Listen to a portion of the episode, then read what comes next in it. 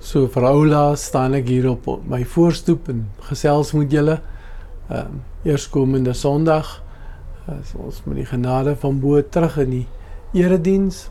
Die diens gaan wel uitgesaai word op uh, YouTube live, maar uh wat betref die ehm um, hierdie mooi voorbereide video's, dit sal nou vir eers eindig op hierdie stadium. Maar uh, welkom. Dit is lekker om by julle te wees. Ons ontvang elke Sondag in in die week iets van God. In my stilte tyd, in Bybelstudie, waar ook al. En wat doen ek daarmee? Vanoggend wil Psalm 78 van vers 3 tot 4 ons net herinner. Wat waarvoor ontvang ek dit? Wat ons gehoor het en wat ons weet, wat ons vaders ons vertel het, sal ons vir ons kinders nie verswyg nie. Ons sal aan die volgende geslag vertel van die roemryke dade van die Here en van sy mag, van die wonderdade wat hy gedoen het. Dit is wie die Here is. Hy gee, hy help, hy sorg. En al wat hy vra is leef daaruit. Jy moet nie wegsteek nie. Vertel vir ander mense wat doen die Here vir jou en aan jou. Kom ons buig die hoofde en ons raak vir 'n oomblik stil en ons kom rus by die Here. En ons doen dit vanmôre met die woorde van uh, Thomas A Kempis daar uit die middeleeue uit. Maar dis pragtige woorde wat vandag nog net so waar is. Kom ons raak stil voor die Here. Here, laat my rus vind in U. In U eerder as in gesondheid of skoonheid eer of status, mag of waardigheid, kennis of vernuf. Skenk my die genade om in U te rus, bo alle aardse rykdom en kunste, roem of lof, vreugde of bevrediging, bo alle wêreldse hoop en beloftes, begeertes en verdienste. Bo al die gawes wat U my kan gee, begeer ek U self die meeste van alles God, skepper van alle sienlike en onsienlike dinge, in U alleen vind my hart sy diepste rus. In U vind my hart sy diepste rus. Kom ons vind ook vanmôre ons rus in die Here. En vanmôre lees ons bietjie verder in Eksodus verlede week die verhaal van die manna en die kwartels daar in Eksodus 16. Vanoggend Eksodus 17. Hierdie keer is daar weer 'n klagte. En ek het um, die direkte vertaling wat ek met julle wil deel en ek gaan net vers 1 tot 7 voorhou en ek gaan nie alles net so lees nie. Teks is op die skerm en ook jy kan myself daardie tyd ook lees of in jou eie Bybel. Vers 1 direkte vertaling van Eksodus 17. Die hele volksvergadering van die Israeliete het op bevel van die Here volgens hulle trekgroepe weggetrek uit die Sinwoestyn. Hulle het by Rephidim kamp opgeslaan, maar daar was nie vir die volk water om te drink nie. Die volk het Moses verwyd.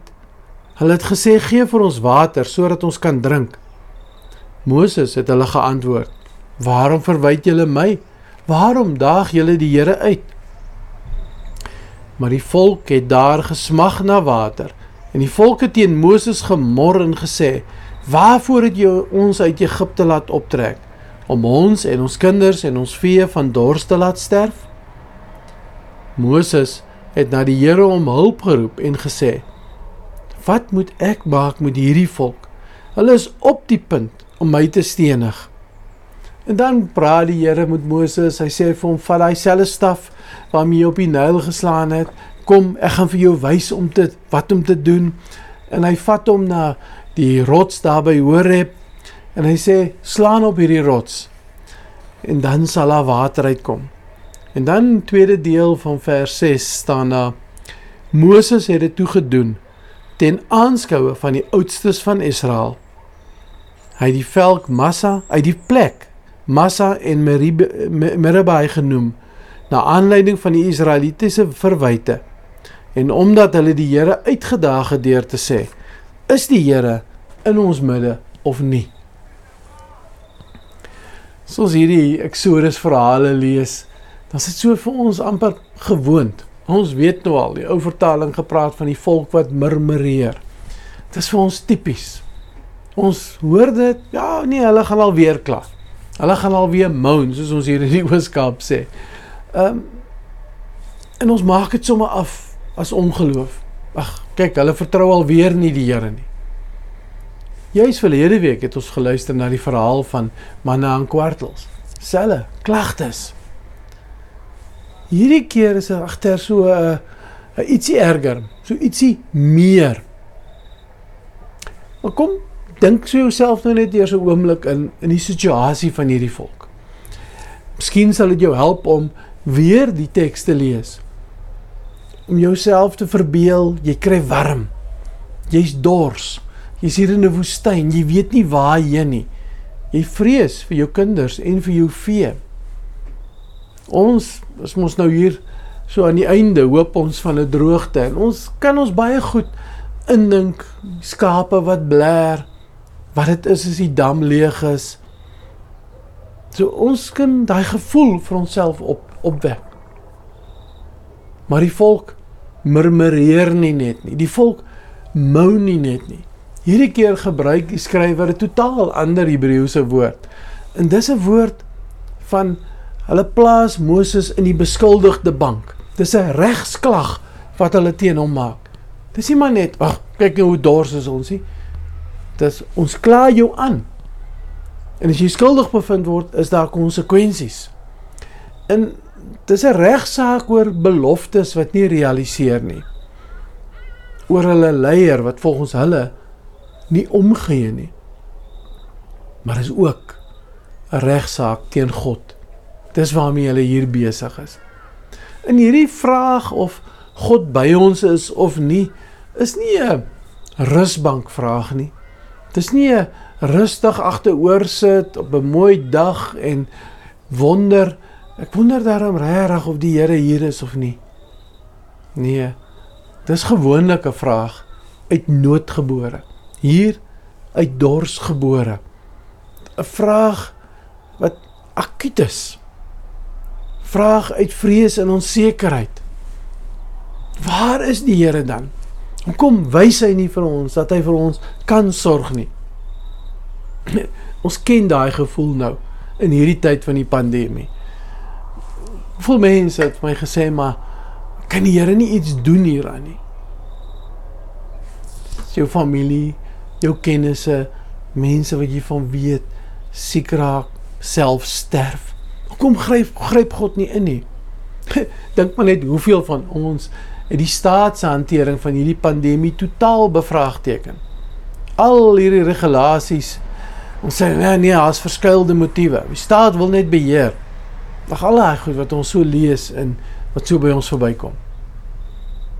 Maar hier hier in Eksodus 17 is dit nie die staat Moses in hierdie geval wat bevraagteken word nie, maar God self.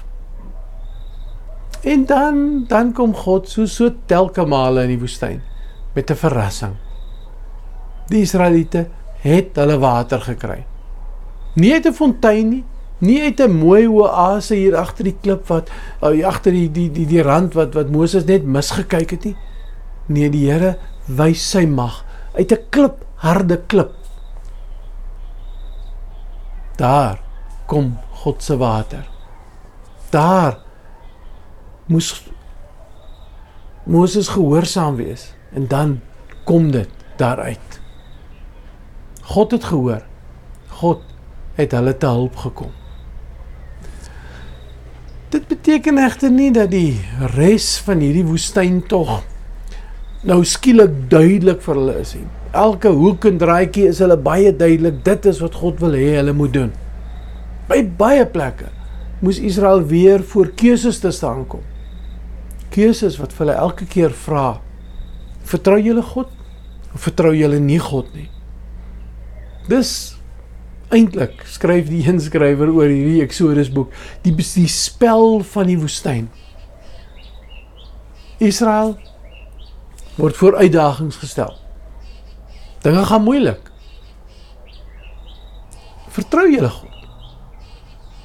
Maar hierdie verborgde God vir hulle is intens teenwoordig. Hy's teenwoordig in elke ding. Hy lei hulle elke oomblik. En so wil hy ons ook lei. So kom sê hy ook vir ons, ja, julle dink mos ons is ek is weg. Ek is nie hier naby nie. Maar God God gebruik die omstandighede waarin ons ons bevind om ons iets te leer van vertroue. Of dit nou COVID-19 is, of dit droogte is, of dit 'n tragedie in my gesin is, of dit finansiële probleme is, of ek my werk verloor. God kan en hy wil alles gebruik om vir my iets te leer van sy sorg. Iets te leer dat hy nog daar is. Al vergeet ons hom. Hier by die berg Horeb gee God aan die volk water uit die rots. So soveel maal sorg hy.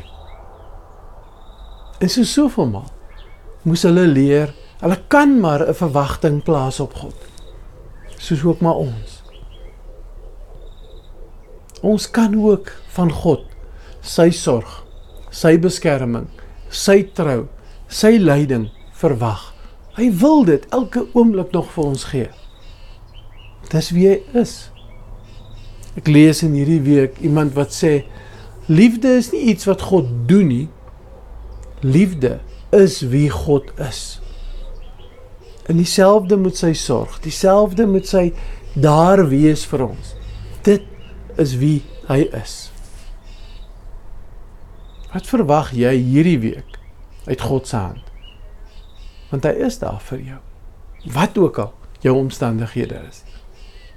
Amen. Kom ons raak net stil. Here Ons kyk en ons soek reën. Ja, ons kyk en ons soek veiligheid. Here, ons kyk en ons soek 'n toekoms vir ons kinders en ons kleinkinders. Here, ons soek ons soek altyd. Ons soek berusting, versterking, u sorg. Dankie dat dit daar is vir ons.